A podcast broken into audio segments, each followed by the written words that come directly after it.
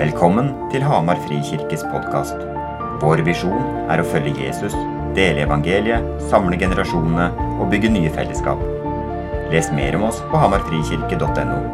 Her er talen fra søndagens gudstjeneste. Herre, vi, eh, vi faller til ro nå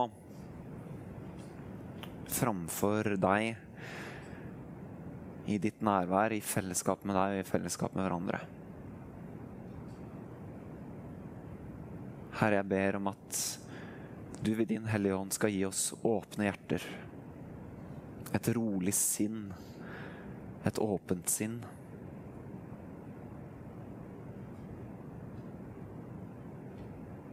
Så ber jeg Gud om at uh, din nåde, det at vi trenger deg, det at du er den som handler overfor oss, at det skal få være tydelig framme. Amen.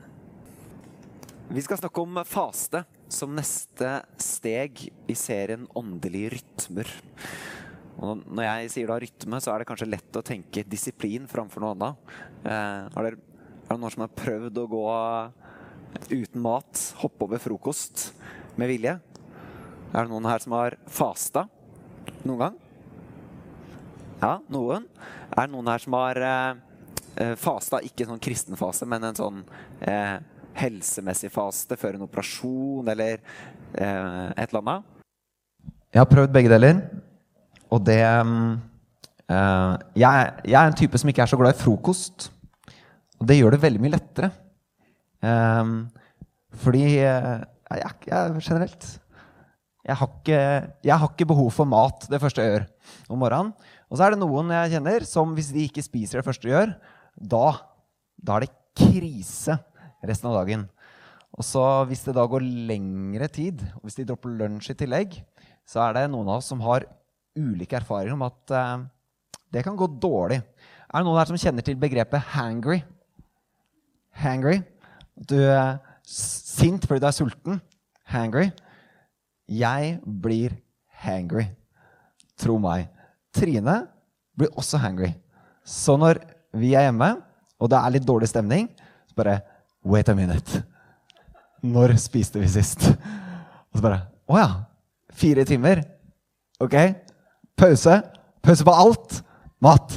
Og så inn med mat. Og så bare ja, Det var ikke så, å, var ikke så dårlig stemning allikevel. Så uh, jeg blir hangry. Og så hvis du ikke blir hangry, så unner jeg deg det. Vi har alle lengsler og behov som mennesker, ikke sant? Vi har behov for mat. Vi har behov for søvn og hvile. Eh, vi lengter etter nytelser og gleder og goder. Eh, det er liksom Det er i mine øyne lite som er bedre enn et veldig, veldig godt måltid når jeg er sulten. Eller enda bedre kald sjokolade når jeg er sulten. Kald sjokolade når du er sulten. Åh, åh, det smaker så godt. Så bare endorfinene og dopaminet bare fyrer for alle mugger i kroppen. Ah, digg. Vi trenger Vi har behov. Vi har lengsler. Vi har begjær etter ting. Og det er helt godt og greit. Noen av lengslene mine er i slekt med noen av de grunnleggende behovene mine. For at jeg skal kunne leve som menneske, så trenger jeg mat. Jeg trenger hvile. Jeg trenger kjærlighet og oppleve kjærlighet. Maslows behovspyramide. Jeg trenger å få tilfredsstilt noen grunnleggende behov. Men så har jeg noen lengsler som er i slekt med behovene. Det er ikke det samme, men som er i slekt.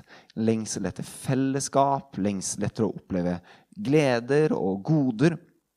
Eh, det, lengsler er i slekt med behov, og det gir litt ulike utslag. Er det noen av dere som har hørt om eh, Sigmund Freud sitt nytelsesprinsipp? Nei. Ok. Birgit? Du må ha hørt om det. Ja, ja. Birgit nikker. Ja, ja. Ok. Uh, let's go all geeky. La oss nerde litt.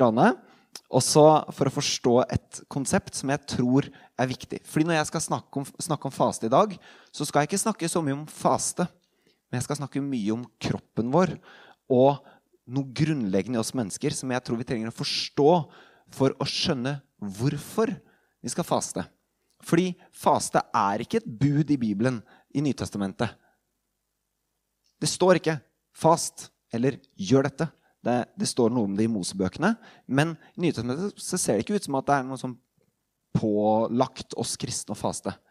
Så hvorfor skal vi gjøre det? Hva er greia? I forberedelse så har jeg lest denne boka her. 'Faste og stillhet', skrevet av Geir Sandberg sjøl. Som eh, Ble den utgitt noen gang? Ja, den er utgitt, så er det mulig å kjøpe den. Ikke det? Ok, Da tar vi kontakt med Credo forlag, og så skal vi få publisert den på nytt. Fordi den er, den er god. Det er en virkelig, virkelig god bok. Lest på fire-fem timer. Eh, som går grundig inn i både det bibelske aspektet ved faste, men også det menneskelige aspektet ved faste. Peder Halldorf har skrevet en bok som heter 'Hellig år', som tar for seg eh, kirkeårets rytmer og tekster. Hvor han går inn i faste i, som forberedelse til jul, altså advent, og fastetiden før påske. Eh, to ulike perspektiver. Eh, Peter Halldorf tar for seg rytmen, den store rytmen. Geir Sandberg tar for seg det bibelske aspektet. Vi skal linke de på nettsida vår. Tilbake til Sigmund Freud. Er dere klare? Da geeker vi litt. Fint. Sigmund Freud han ut, uh, utvikla det som vi kaller for psykoanalyse i dag. Og nytelsesprinsippet det er et prinsipp som peker på uh, grunn, en, en sånn grunnleggende umodent karaktertrekk ved barn og unge. Vil si at nytelsesbehovet er barns og unges behov for akutt tilfredsstillelse. Jeg er sulten, gi meg mat nå. Derfor skriker jeg. Jeg er trøtt, gi meg hvile, hjelp meg å sove nå. Derfor skriker jeg. Det som er litt interessant, er at når Sigmund Freud jobba med dette, så så han at dette er et karaktertrekk ved barn og unge som han regner med at vi vokser av oss. Det som er interessant, er at det man jobber med innafor psykologien i dag, eh, amerikanske psykologiforeninga har bl.a. Eh, sagt noe om dette. At dette karaktertrekket ser ut til at vi, vi vokser ikke av oss. Det er egentlig i ferd med å bli en norm, en vane, en normaltilstand i det moderne, voksne mennesket at vi tilfredsstiller behovene våre med en gang. Og det gir utslag på veldig mange ulike ting. Det gir utslag på at når jeg føler at jeg trenger hvile, så bestiller jeg en sydentur på kredittkort med en gang. Ah, litt, sukker, litt sukkertann akkurat nå. Kjøper meg en sjokkis med en gang. Jeg er veldig sliten akkurat nå. Derfor sover jeg masse med en gang. Veldig, veldig gøy å spille og bli underholdt. Derfor spiller jeg hele natta, selv om jeg veit at jeg burde sove. Eh, vi nyter, og vi tilfredsstiller lengslene våre konstant. Slik at dette behovet for nytelse, som man før tenkte at ja, det er jo et umoden karaktertrekk, er egentlig noe som beskriver det moderne mennesket. Deg og meg. Enten vi vil eller ei, så er vi så neddynka i det moderne mennesket, den moderne kulturen, at vi tilfredsstiller, oss, eh, tilfredsstiller behovene våre så fort vi kan, enten vi vil eller ei. Og Jeg vet ikke hvilke behov du tenker at du tilfredsstiller, men eh, de fleste av oss kjører jo eh, veldig store, dyre biler. De fleste av oss kjører, kjøper veldig store, dyre hus. De fleste av oss eier veldig mye klær.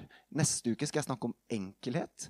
Jeg eier altfor mye klær. Dette er den første skjorta jeg har kjøpt brukt noen gang. Det tok meg 32 år før jeg kjøpte en skjorte brukt. Ehm, jeg eier fire par ski. Eh, bruker ett av dem ti ganger i året. De tre andre bruker jeg ikke. Hvis vi begynner å ramse opp hvordan vi tilfredsstiller ønskene våre, lengslene våre, behovene våre, så ser vi at de aller fleste av oss tilfredsstiller dem ganske fort. Og hvis vi ikke har penger, så prøver vi å spare. Kanskje vi også drar kredittkortet. Sånn egentlig. Du kan tolke dine egne ting i dette, men hvilke lengsler og behov er det du får tilfredsstilt så fort du bare kan? Det kan være emosjonelle lengsler og behov, fysiske, seksuelle lengsler og behov. Lengsler og behov. Vi, dette er det moderne mennesket. Nytelsesprinsippet kalte Sigmund Freud det. Det som er interessant, er at uh, det her står det jo om i Nytestamentet. Paulus skrev om dette. Jeg skulle nesten tro han var inspirert der han satt og skrev. I Det nye testamentet så brukes det greske ordet sarks. Kan jeg si det? Sarks. Sarks. Sarks det er det greske ordet som vi oversetter med kjøtt eller kropp. Gamle oversettelser snakka man om kjødet. Da er det noen av oss som får noen alarmbjeller til å ringe med en gang. Men kjødet det er strengt ord i min oppvekst. Men sarks er et begrep som beskriver kroppens lengsler, begjær og behov, men at det er litt ute av synk. Fordi disse grunnleggende behovene, mange av disse lengslene, er jo gode. Ikke sant? Jeg har behov for hvile. Min seksualitet sier noe om meg som relasjonell. Jeg lengter etter fellesskap med noen. Dette, dette, er jo gode ting. Men sarks som begrep beskriver det hvordan det er ute av synk. Det er på en måte tweaka, det er endra, det er ute av vater. Det er ødelagt. For det er godt å kjenne på alle disse tingene.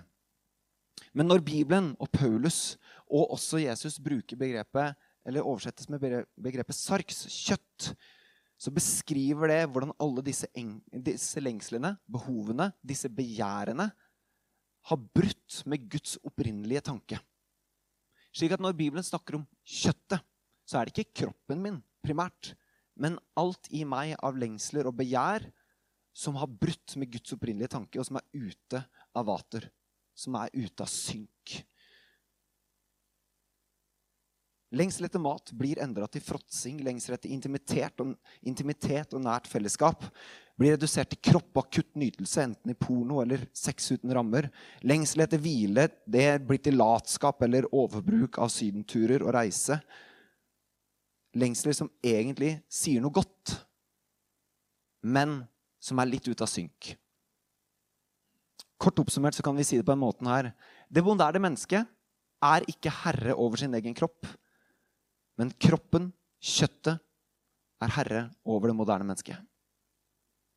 Og da Legg merke til forskjellen. Primært kjøttet er herre over det moderne mennesket, ikke kroppen min.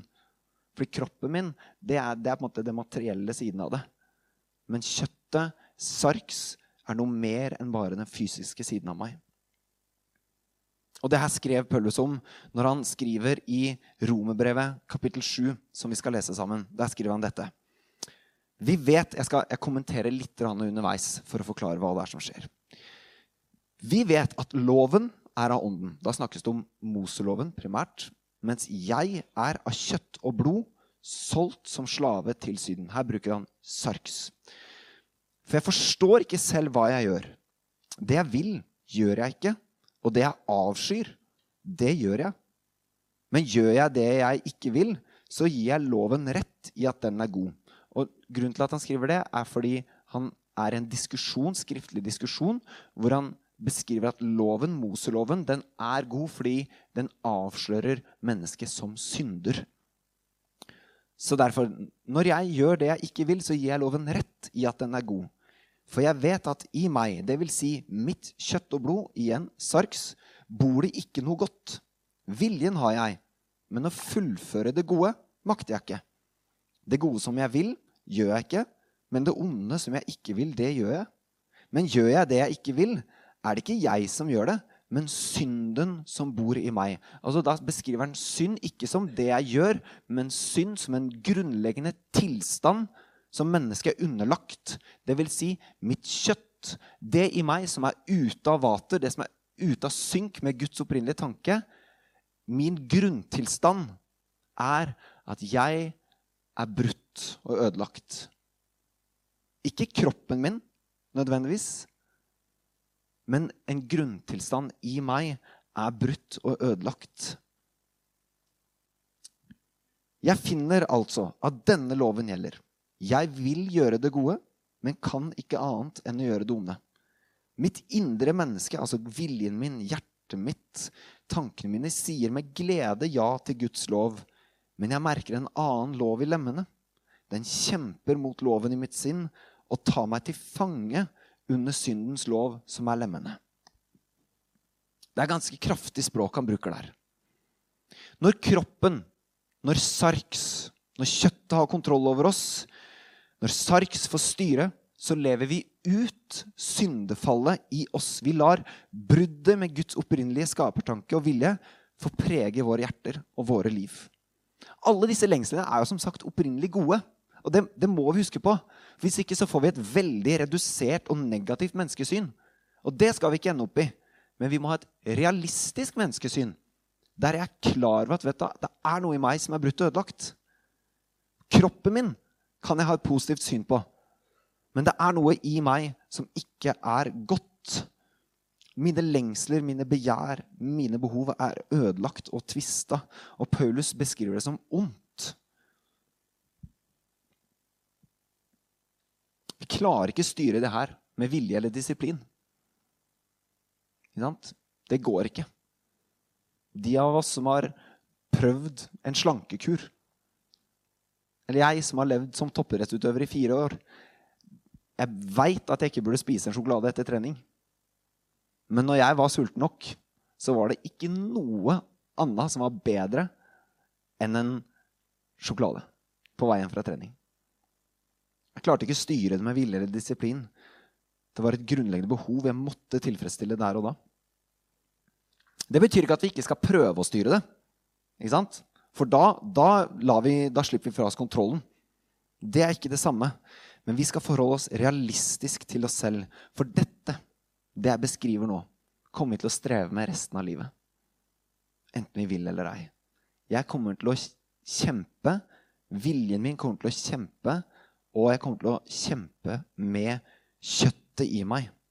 For vi vil aldri klare å bli herre over kjøttet eller kroppen vår. Og Paulus erfarte dette like mye som alle andre. Og bare merk sorgen i det han skriver nå, når vi leser de neste versene fra vers 24. Jeg, ulykkelige menneske, hvem skal fri meg fra denne dødens kropp? Det er sorg. Det er ikke 'kroppen min er det verste', men det er sorg over den grunnleggende tilstanden som vi lever under, kjøttet vårt. Hvem skal fri meg fra denne dødens kropp? Så kommer de gode nyhetene. Gud være takk ved Jesus Kristus, vår Herre. Der er de gode nyhetene. Der kommer motsatsen. Jeg lever under synden, som er kjøttet mitt. Hvem kan fri meg fra dette? Gud være takk ved Jesus. Jesus kan fri oss fra dette. Slik er altså jeg. Jeg tjener Guds lov med mitt sinn, men syndens lov med mitt kjøtt og blod. Kroppen vår, lengslene våre, avslører oss at vi lever under synd og ikke er herre over våre egne liv. Når jeg blir hangry, hva er egentlig det? Det er jo at jeg bare blir avslørt. At det er et sinne i meg som ligger der og ulmer kanskje hele tiden. Men de gode nyhetene er som Paulus sier, Gud være takk ved Jesus Kristus, vår Herre. Ja, vi blir avslørt. Men det er der evangeliet, de gode nyhetene om Jesus, kommer inn. Fordi Gud vet det. Og Derfor lot han sin sønn bli født som menneske under de samme livsvilkår som deg og meg. Med samme kropp, men uten å la seg styre av kjøttet. Jesus var herre over Sarks. Derfor var Jesus et rent, hellig offer fordi han synda ikke. Og ved sin død oppstandelse så døde han for oss. For alt i oss som er ute av synk med Guds opprinnelige tanke. Han døde for det, slik at vi kan forenes med Gud, få tilgivelse. Og ikke bare få tilgivelse, men få et håp om at en gang der framme så skal jeg stå opp igjen med en ny kropp som ikke er underlagt sarks, som ikke er underlagt synd. En ny, frisk, ren kropp som er alt etter Guds opprinnelige takke. Og her hadde jeg vært Egil Svartdal, så hadde jeg bedt om et lite halleluja. Det er håpet. Vi kan ikke grave oss ned i et negativt menneskesyn. Vi skal være realistiske, men vi skal knytte oss til et håp om at der framme så skal jeg få en ny kropp. Jeg skal leve på en ny jord, en ny himmel. Og hvis du forstår, vil forstå hvordan kroppen er, så må du lese om Jesus etter oppstandelsen. Bare sånn lite tips der. Så langt har jeg ikke sagt så mye om faste. Men jeg har sagt veldig mye om meg. Og hva er da fasten midt oppi det? Faste er eh, ikke den eneste løsningen på dette. Dette problemet som vi kaller synd eller kjøtt eller sarks. Men faste er en del av løsningen. Ikke som et bud, men som en metode. Faste er å ta kroppen, sarkset, og gi det til Gud, helt konkret, ved å si nei til mat over en kort tidsperiode. Fase er ikke å avstå fra ting. Det vil si at En kristen fase er ikke å avstå fra å bruke mobilen. Det er noe annet. Da avstår jeg fra noe. Men en kristen faste handler om mat. At jeg sier nei til mat på en eller annen måte over en periode. Det er å si til Jesus Jesus, du er herre over mitt sarks, over min kropp. Jeg anerkjenner det ved å si nei til et grunnleggende behov som jeg har. Vi skal gå til noen bibeltekster. Jeg kommer ikke til å være veldig konkret. Jeg kommer ikke til å si sånn må du faste, sånn må du forberede deg, sånn må du avslutte. Alt det kommer på nettsida vår på tirsdag. Så alle praktiske tips får dere. Men jeg hadde mer, mer, lyst og kjente at det var riktigere å snakke om kroppen vår først. Vi skal lese i Matteus kapittel 6. Der står det Når dere faster, ikke hvis, når. Legg merke til den. Når dere faster, skal dere ikke gå med dystre mine slik som hyklerne. De forsømmer sitt utseende for at folk skal se at de faster. Sannelig, jeg sier dere, de har alt fått sin lønn. Men når du faster, skal du salve hodet, vaske ansiktet, dvs. Si stelle deg, vise deg som et vanlig menneske, for at ingen skal se at du faster. Ingen andre enn din far som ser i det skjulte. Og din far som ser i det skjulte, skal lønne deg. Som sagt så er ikke faste et bud i Bibelen. Men hvis du vil ha én god grunn til å faste, som er veldig god grunn, så er det fordi Jesus gjorde det. Jesus fasta. Mest sannsynlig to ganger om dagen.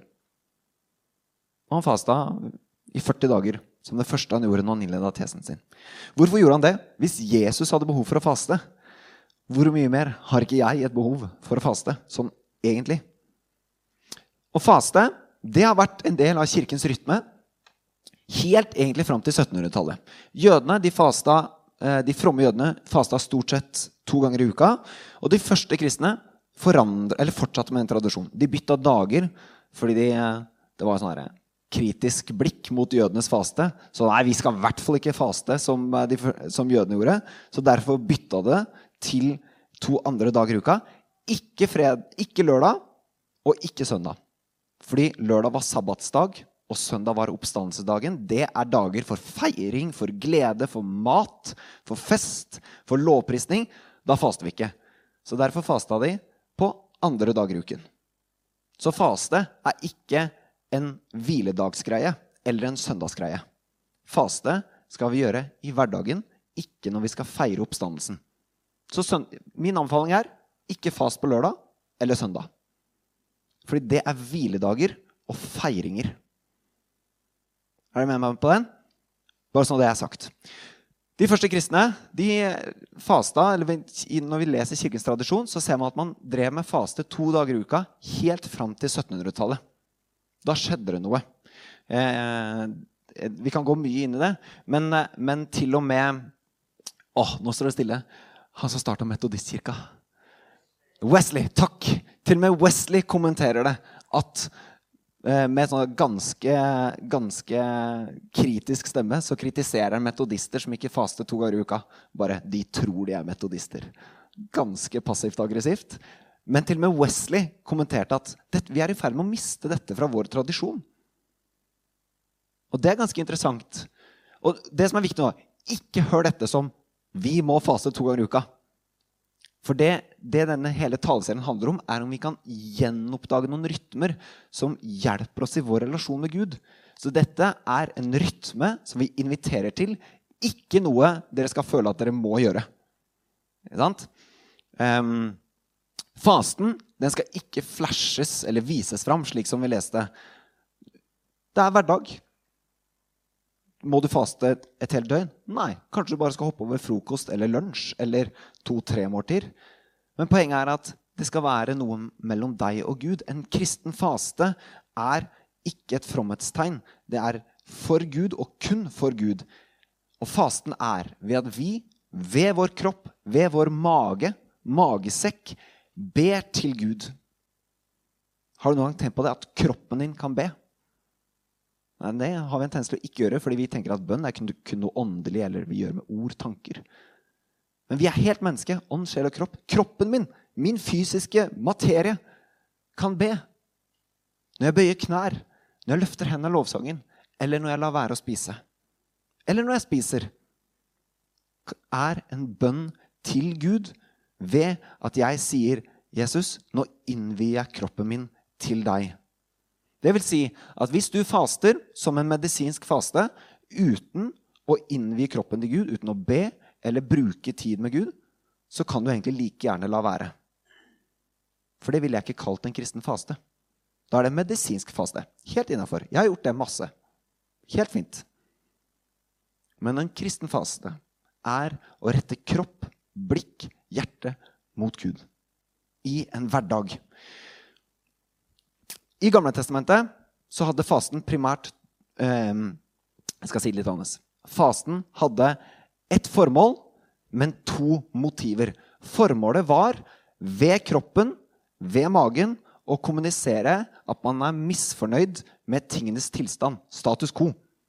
Og det ene motivet er sorg, og det andre motivet er håp. Man ser det gjennom Bibelen at man, når man leser at når de skal omvende seg fra synd, eller når de sørger over å ikke ha søkt Gud rett, eller andre motiver, så faster de med sorg. Kler seg i sekkestrie, as aske på hodet og viser fysisk 'nå sørger vi'. Mens et annet motiv er det med håp. Gud, du har gitt noen løfter. Vi ønsker å se de skje. Og du ser det samme motivet i, i uh, Lukas 5. Når Jesus, sier, når Jesus er hos uh, Levi og spiser, så ser du det. Lukas 5, der står det um, Disiplene til Johannes de holder jo faste og bønn, og det samme gjør fariseernes disipler. Men dine disipler Jesus, de spiser og drikker. Og så sier Jesus, «Eh, kan dere få bryllupsgjestene til å faste så lenge brudgommen er hos dem? svarte Jesus. Men det skal komme en tid da brudgommen blir tatt fra dem. Og når de, når de dagene kommer, da skal de faste.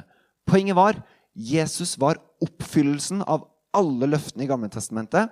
Paulus skriver om det. Derfor skulle ikke disiplene faste. Men når Jesus dro opp til himmelen igjen, så skal kirken faste. Fordi da er det nye løfter, et nytt håp om Guds rike. Så håpsmotivet i vår kristne faste er at Guds rike skal komme. At løftene vi ser i Nytestamentet om Guds inngripen i våre liv, om helbredelse, om bønnesvar, det er håpet vi kan be om, og gjennom fasten. Skjønte dere forskjellen på de to tingene? Hvis dere ikke skjønte så skal jeg forklare det etterpå hvis dere kommer og spør.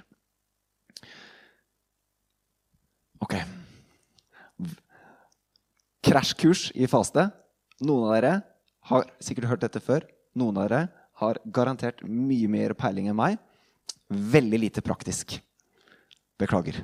Nå har jeg brukt 25 minutter. De siste fem minuttene så har jeg lyst til å invitere dere inn i én ting.